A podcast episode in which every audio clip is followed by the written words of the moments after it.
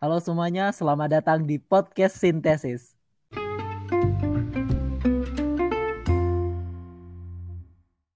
Balik lagi dengan aku Adip dan teman aku. Wiji, halo semuanya. Halo, gimana kabar kalian teman-teman semua? Sudah lama kita nggak pernah update ya, Wich. Kita ibarat hiatus. Iya, udah beberapa bulan ya kita nggak rekaman. Halo? Oh, udah gitu doang, Wich.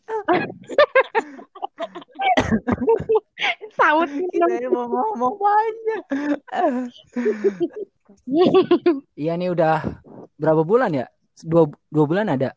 Nggak tahu ya. Nggak ada deh. Sebulan kali ya. Dua bulan ya. Ya buat para eh, teman-teman semua kalau misalkan nungguin mohon maaf. Eh, nanti kita juga ada promosi iklan terkait produk Wiji yang kemarin dikerjain. Asik. Enggak, enggak. Ya gitulah, menyibukkan diri aja. Eh, dari kemarin kan kita narasumber asik, narasumber teman. Teman yang menemani kita ngobrol kan cowok ya, Dip ya.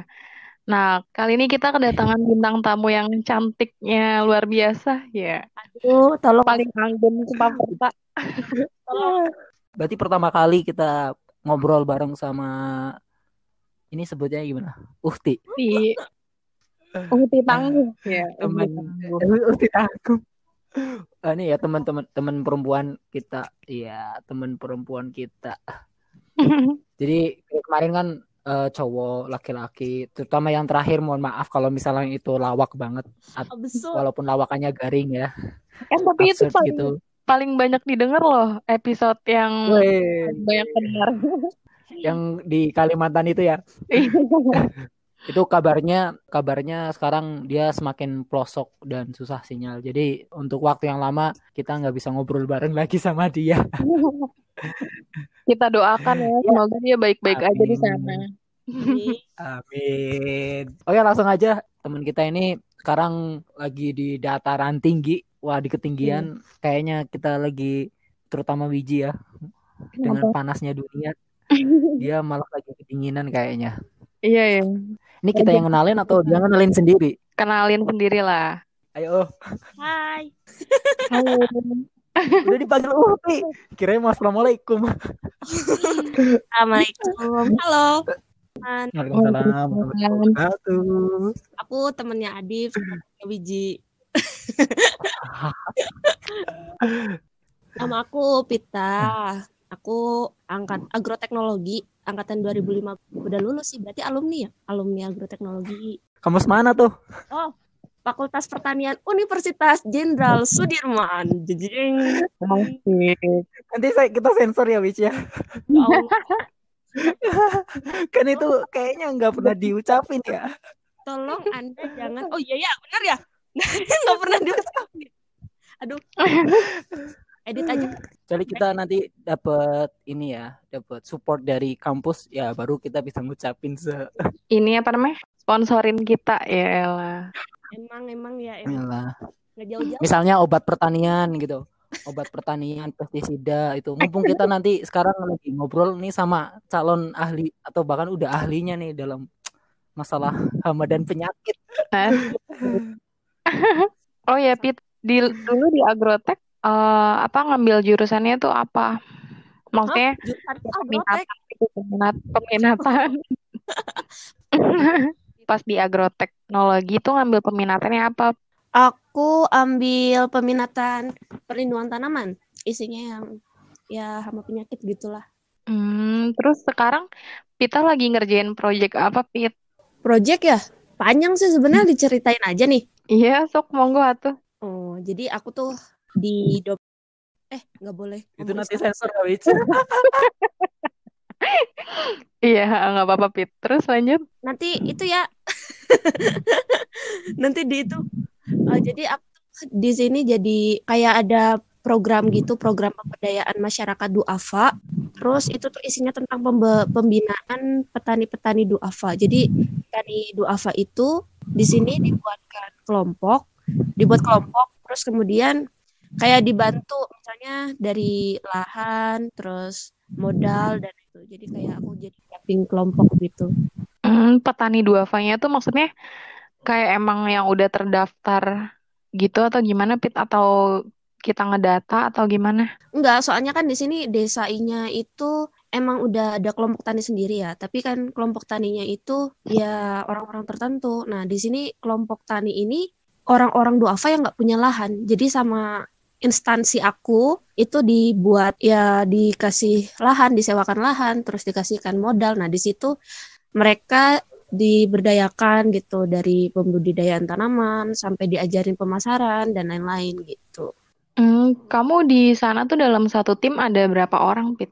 Uh, jadi aku di sini ditempatkan sendiri sih. Aku sendirian di sini.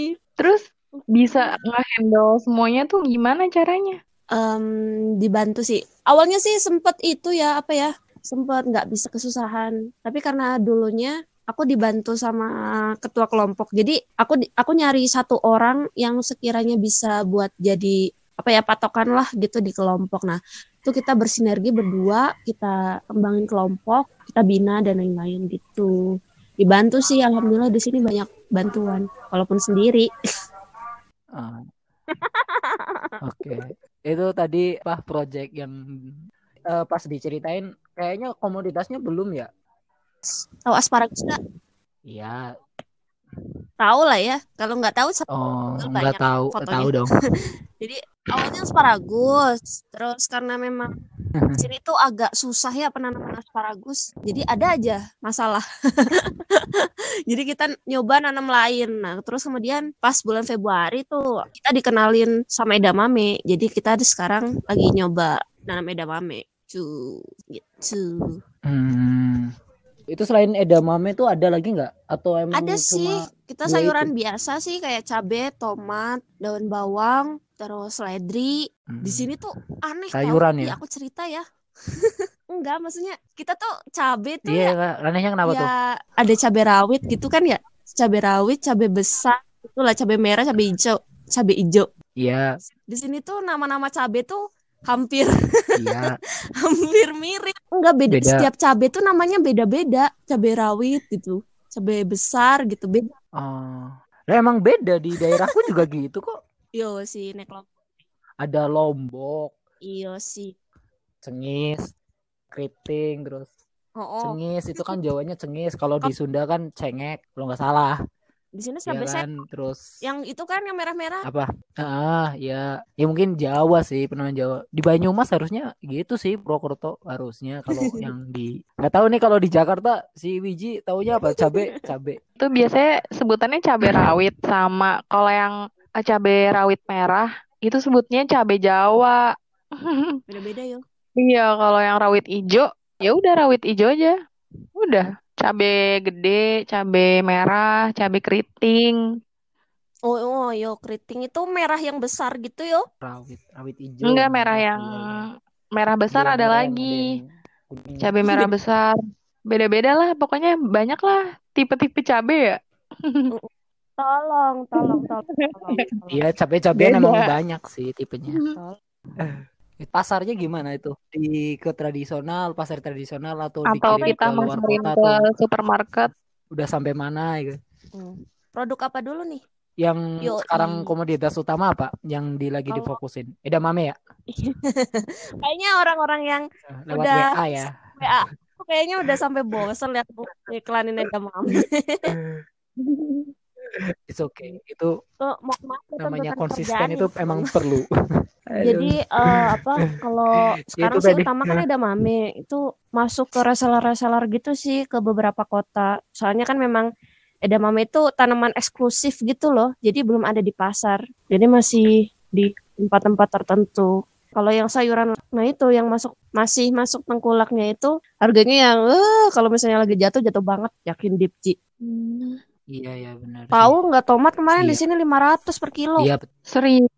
Tomat merah. Tomat yang biasa kita makan, Bad. Tomat. Lima ratus per iya. kilo ya. Ya tomat hijau, tomat merah kayak gitu ya, campur kan ya. Terus itu maksudnya nggak bisa dijual hmm. ke reseller hmm. juga atau pitah masukin ke supermarket gitu nggak bisa ya? Yang sayur. Yang tomat, yang contoh-contoh komoditas masuk ke tengkulak gitu. Nah itu Ji, karena tomat itu kan udah bukan barang eksklusif ya. Jadi kita nyari di apa ya di pasar juga banyak kan beli tomat. Nah, tomat Mm-mm. supermarket juga biasanya tuh supermarket itu udah punya satu apa ya link gitu pemasukan sayur. Gitu ya. Mm, aku jadi aku dulu juga sempet mau nyoba masukin sayur gitu kan ke supermarket di sini ditolak coba. Karena memang mereka tuh kayak udah bikin perjanjian gitu sama satu produsen sayur jadi ya susahnya gitu sih. Iya, makanya betul. kasihan petani tuh sebenarnya. Ya, aku juga bawang putih lokal mau masukin ke resto-resto kayak gitu mereka ya nerima ngecek gitu kan. Yang nggak tahu yang mereka pasti pakai bawang putih impor tuh yang gede-gede dicek mereka heran terus nyobain rasanya. Terus kita sempat presentasi proposalnya juga udah maju. Tapi ya mereka karena sebelumnya udah punya perjanjian sama yang sebelumnya kan nggak mungkin mereka memutus secara sepihak kan karena ya sebagainya lah. Iya sih ya, bener. susah ka- kalau kadang. di sayuran memang gitu kasihannya Coba kamu ini deh, cari tahu tentang Memang- box atau enggak tentang tani tani atau apa gitu.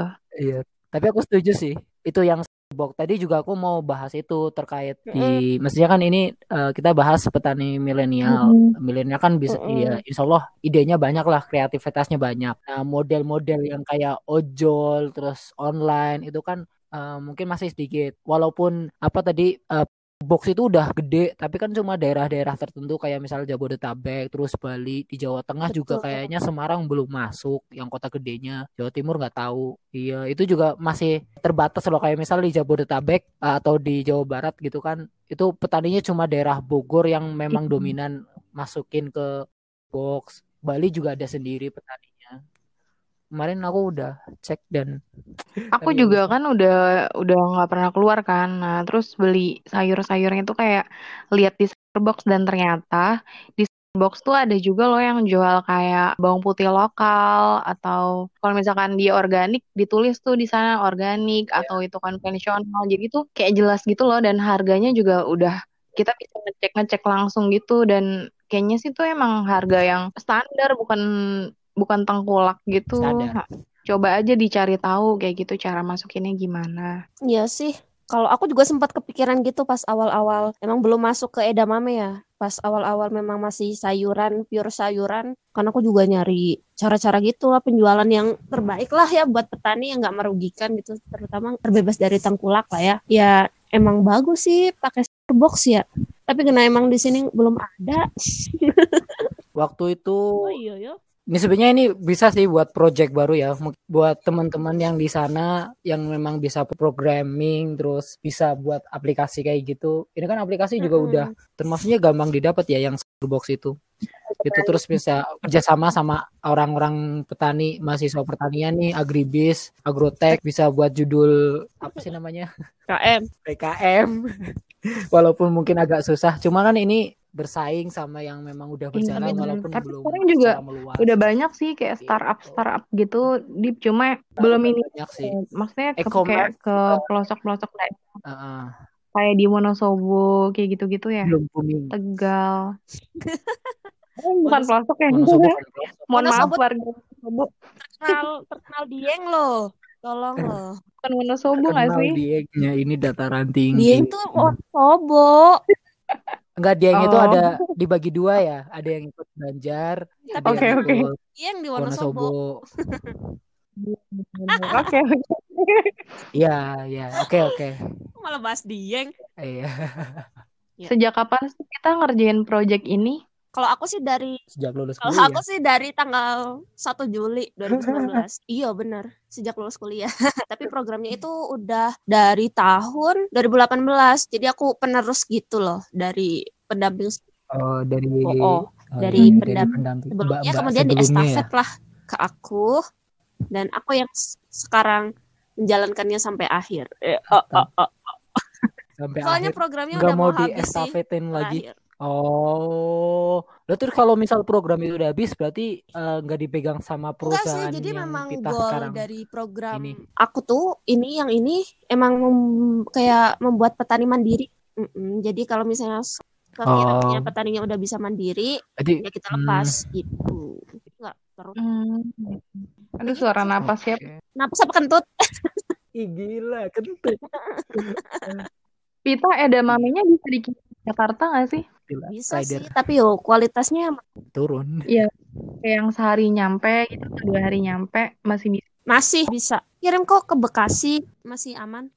Oh ya udah. Ntar kabarin aja ya Pit kalau panen. Asik. Hai. Bisa kalau mau beli juga bisa kontak aku ya. Oh ya, Instagramnya apa? Instagram atau WhatsApp? At Pitah TW aja, Instagram nggak apa-apa. Oke. Dulu bener, aku nggak ngerti loh. Ya, ya gimana ya? Namanya juga baru lulus, nyoba-nyoba kerja gitu loh, Ji.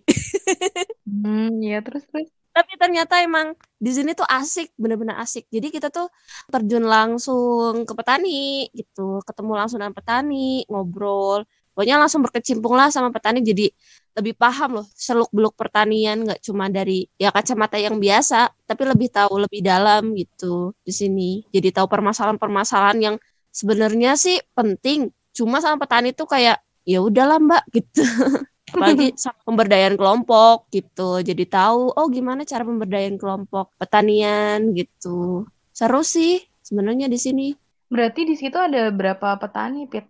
Aku di sini berdayain 16 orang harusnya sih ada 18 17 tapi yang satu lagi izin jadi yang aktif sekarang 16 orang semuanya Hmm. bapak ibu ada loh yang umurnya 80 tahun masih pada semangat masih semangat Oh iya. oh Mantap. 80 tahun bener-bener 80 tahun eh Terus? bukan 80 74 74 sorry sorry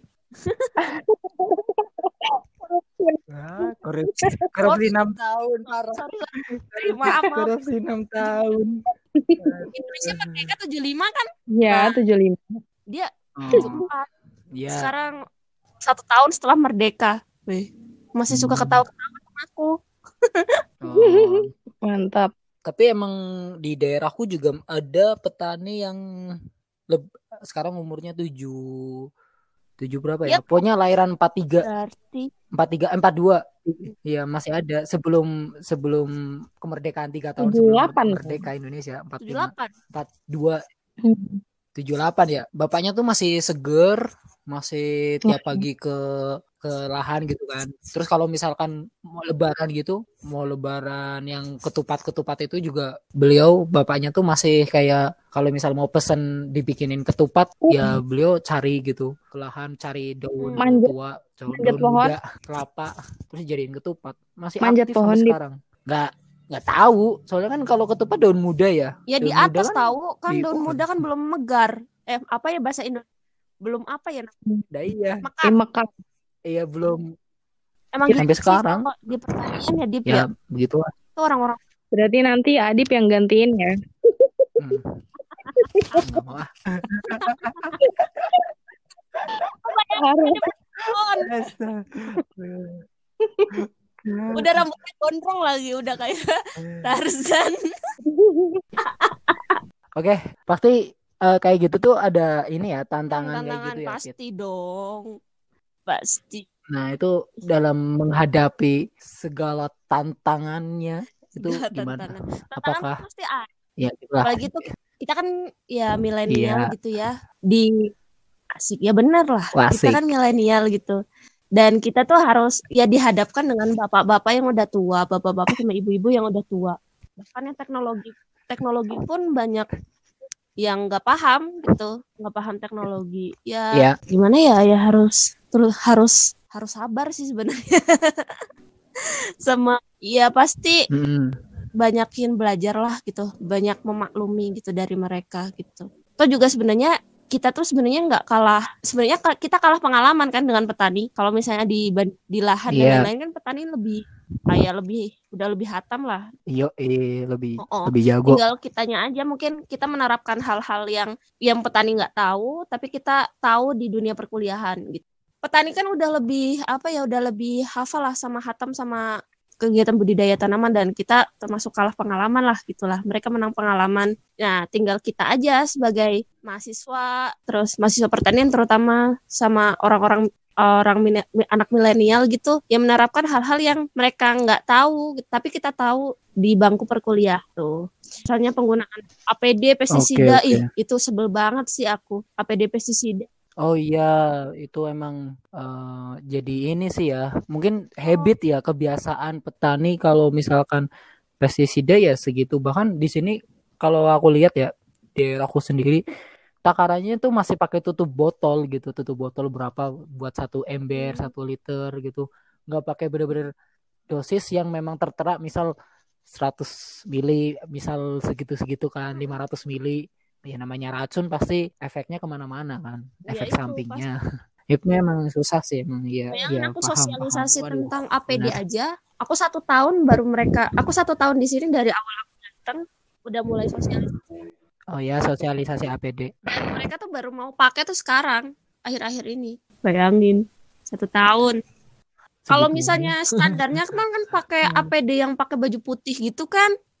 Itu ya yang yang buat di corona. iya Apa ya? ya? Tapi itu juga.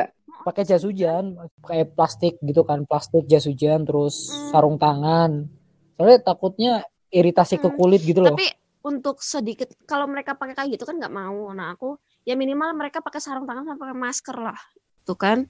Biar soalnya kan petani kalau misalnya habis nyemprot biasanya di sini tuh langsung cuma cuci tangan pakai air aja, habis itu makan gitu. Aduh mas terus serem. Lihatnya bener-bener kalau kalau aku nggak ada mereka kayak gitu tapi kalau aku ada bener mereka yo yo langsung cuci tangan dan lain-lain Oh. Kita ditakuti Aduh. petani. Iya sih sebenarnya kayak Iya, mungkin karena aku terlalu cerewet kali ya Oh, oh iya Berarti harus sabar-sabar terus ya, Pet. harus ya gimana ya? Kalau nggak sabar ya nggak enak juga. Nanti malah sama petani. Kan aku pendamping gitu kan mendampingi mereka gitu. Berarti tinggal berapa bulan lagi, Pit? sampai Desember sih. Hmm, kapan? Berapa ya? Berapa Oh. bulan ya? Oh, tiga, November tiga bulan. tiga bulan. Tiga lagi. bulan lagi. Aku tuh nggak boleh tahu. Nggak boleh itu apa? Nggak boleh keluar dari sini. Nggak boleh mutasi nggak apa-apa. Nanti kalau misalkan diperjuangkan juga Iya. bisa. Aku tuh nggak boleh mutasi malah mau dicariin orang sini coba. Wow Udah disayang banget kayaknya, Pit. ke mana-mana tuh di itu apa Wow. ditawar-tawarin ke orang. Makanya nggak laku banget ya tapi kayaknya hampir semua bukan semua ya pasti adalah hal-hal Oh. seperti itu ya. Tapi itu jadi pengalaman sendiri sih kayaknya. Iyo bener kayak gitu emang kalau orang-orang sini. Tapi ya kalau jodoh kan ya iya kalau jodoh sih gimana lagi? ya? Katanya kan jodoh nggak ke mana. Semoga Ya. bukan bukan mbah-mbah yang 74 tahun ya, Pit.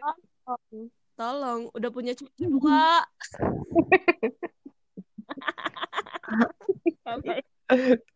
aduh suaraku aneh nggak ya pas ketawa? Aduh ya Allah. Itu itu gak usah dipotong ya. Pernyataan seperti itu gak usah dipotong. Tolonglah. Yang kiranya aku memalukan dipotong lah.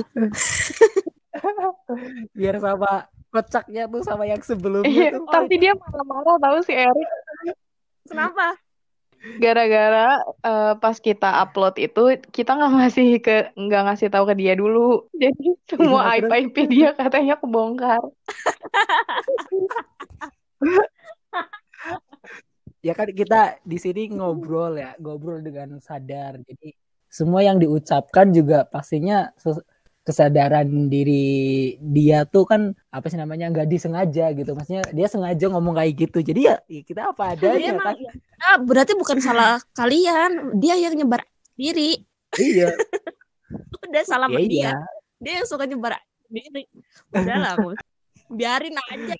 Nanti denger kan ya jangan dikat nggak apa-apa ini jangan edit nggak?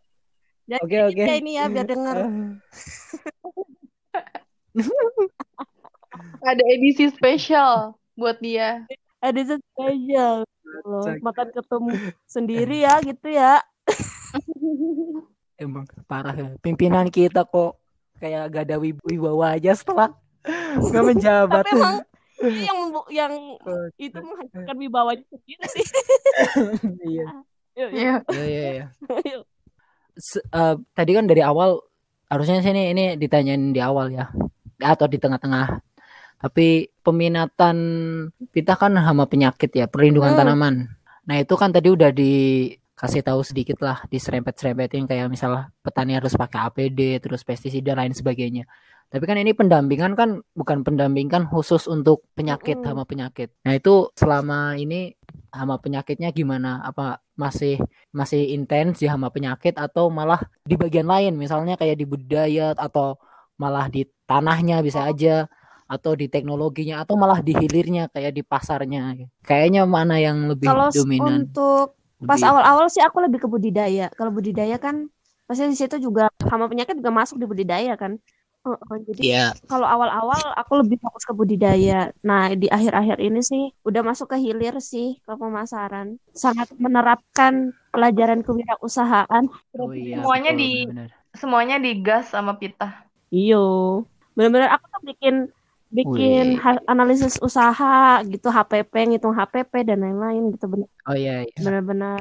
Pokoknya kalau kalian yang dengar-dengar ini masih kuliah, please jangan tidur pas kuliah. Nanti nyesel kayak aku. kayak sekarang nggak mungkin sih nggak mungkin tidur paling online iya. terus ditinggal penting online dulu ya.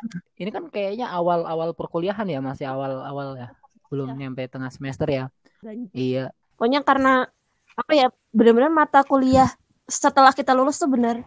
Apa ya semua mata kuliah yang kita dapat kalau kalian terjun ke dunia pertanian itu mata kuliah yang kita dapat di kampus itu benar-benar kepake kalau menurut aku sih. Entah itu di bagian budidaya dan lain-lain. Iya itu kalau masuk kalau eh, misalnya di ya. kalian setelah lulus masuk pengen masuk ke prospek agrotek gitulah yang sesuai sesuai dengan eh. pertanian gitu. Tapi kalau kalian misal ya kalau misalnya kalian ke yang lain ya enggak apa-apa kan sesuai dengan passionnya ke masing-masing gitu. selain tuh ke mana selain tuh Di luar misalnya ke mana pertanian. di luar pertanian tuh ke mana Ya, gak usah Iya, disebutin banyak. Gak usah disebutin banyak.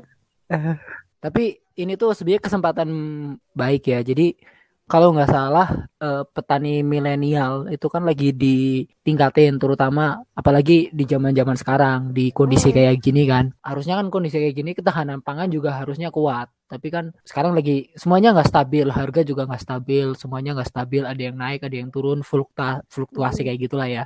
Harusnya buat teman-teman yang memang sekarang masuk di pertanian nih yang baru maupun yang udah berjalan niatin untuk jadi petani gitu ya namanya petani milenial itu juga kalau diperjuangkan juga bisa menjadi hal yang positif. Nggak cuma buat diri sendiri tapi Betul buat banget, orang betul, lain. betul. iya gak dia aku nyontek sih.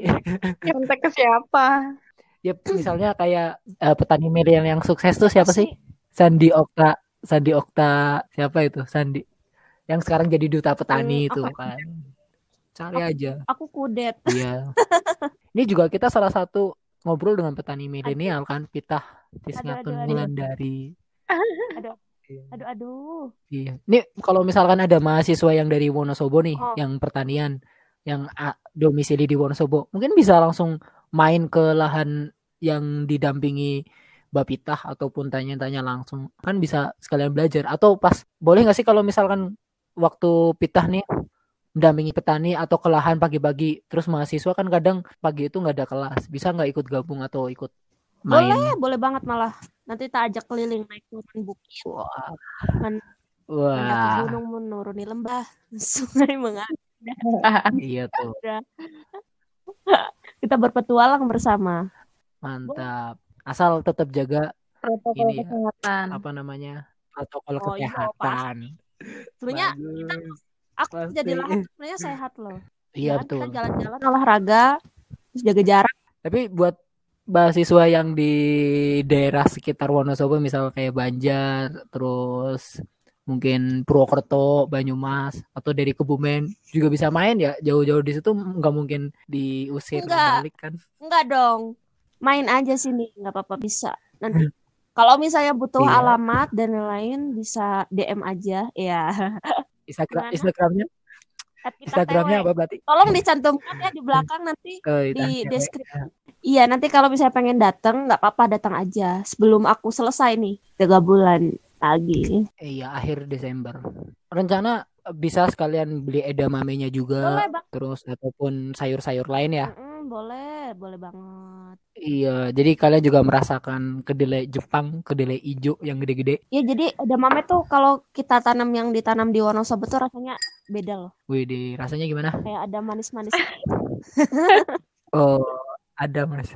Hmm. Jadi ada manis-manisnya gitu pokoknya. terus enak buat cemilan sih emang. Iya, dia tuh kayak protein. Tapi ya nggak cocok sih buat bapak-bapak yang misalnya banyak asam urat gitu. Iya, ya, itu. Tapi baik buat pertumbuhan anak ya. Bagus, itu buat ASI, Wow. buat orang ibu-ibu menyusui juga bagus buat booster ASI. Buat orang-orang diet Kayaknya, bisa. waduh, dia tuh. Nyebut nama gue? Aku kalau di adik Gi, Aku cuma bilang diet. adik Tapi pokoknya bermanfaat ya. Bermanfaat lah. Kalau misalnya pengen ta- tahu kandungannya bisa searching aja di Google. Iya. Semua kembali ke Google. Iya. iya. Barangkali ya kan lebih lengkap itu penjelasannya. Iya betul. Ya udah. Thank you buat Pitah. Yoi, Iya, aku sebenarnya manggilnya Pipit sih. serah sebenarnya. Ya, cuman karena di kampus dipanggilnya Pitah, mungkin tertulisnya seperti itu. Panggil aku Untuk aku nggak panggil apa? Atun, Atun boleh nggak? tolong. tolong, Wulan tuh terlalu bagus. tolong. Ya Allah. Udah pipit aja. Wulan tuh terlalu bagus. Oke. Oke. Ini mungkin sedikit banget ya cerita tentang dari Pitah. Kalau misalkan teman-teman masih penasaran, aku tuh makin penasaran, pengen main, pengen belajar lebih, itu bisa langsung aja hubungin Pitah. Nanti di Instagramnya ada DM silahkan. Terus nanti kalau misalkan mau nomor WA-nya juga langsung minta ke Mbak Pitah aja. Atau bisa tanya-tanya ke kita silahkan ke Wiji boleh ke aku enggak Kamu enggak? atau bisa langsung aja ke Instagramnya podcast synthesis jangan lupa untuk di follow like postingan kita ada postingannya nggak sih kita Belum ada. Rich? Di belum ada. sini aku posting, aku edit edit. pokoknya nanti kalau udah ada postingannya silakan like share ke teman kalian terus follow ini juga di di Spotify follow like terus jangan lupa untuk share kalau misalnya kalian suka ke teman-teman biar kalian juga tahu teman-teman kalian juga tahu Yoi. Ntar buat YouTube-nya aja kali ya. nggak eksklusif di Spotify ya kita mungkin bisa posting juga di YouTube kalau bisa Mau dong. Nah, ya nanti nanti kita undang lagi nih Ah, ya. undang lagi. Ajakin, ajakin aku. Temennya bapak-bapak semua. Udah menawar. Oh, oh. Nggak apa-apa. Barangkali ada anaknya bapaknya itu yang kecantol. Amin. Anaknya tua-tua, Pak. Cucunya mungkin. Oh iya, cucunya. Oh, Oke, oke, cucunya. Ya Allah, astagfirullah. Ya, terima kasih juga buat para pendengar, Iya, teman-teman semua, di mana pun kalian berada, stay safe, stay healthy, eh, tetap jaga 3M, memakai masker, menjaga jarak, terus satu lagi apa? Nggak tahu apa. Apa? Cuci Apa tangan. itu 3M tuh? Oh iya, mencuci tangan. Terima kasih. Itu buat kita semua. Terus terus dari teman-teman yang eh, sedang gak sehat, sedang kurang sehat, semoga bisa lekas sembuh. Amin. Amin. Ya dan dan mohon maaf kalau misalkan kita lama untuk comeback ya. Ini kita comeback dari hiatus. Dan dari pendengaran kalian ada sesuatu yang salah kata, terus kata-kata yang menyinggung ataupun suara yang nggak jelas, mohon maaf karena kita akan selalu memaksimalkan apa yang kita punya. Mantap. Dia aku nyontek lagi nih. Wow. Oh, jangan ngomong, Dit. Thank you for listening our podcast and goodbye.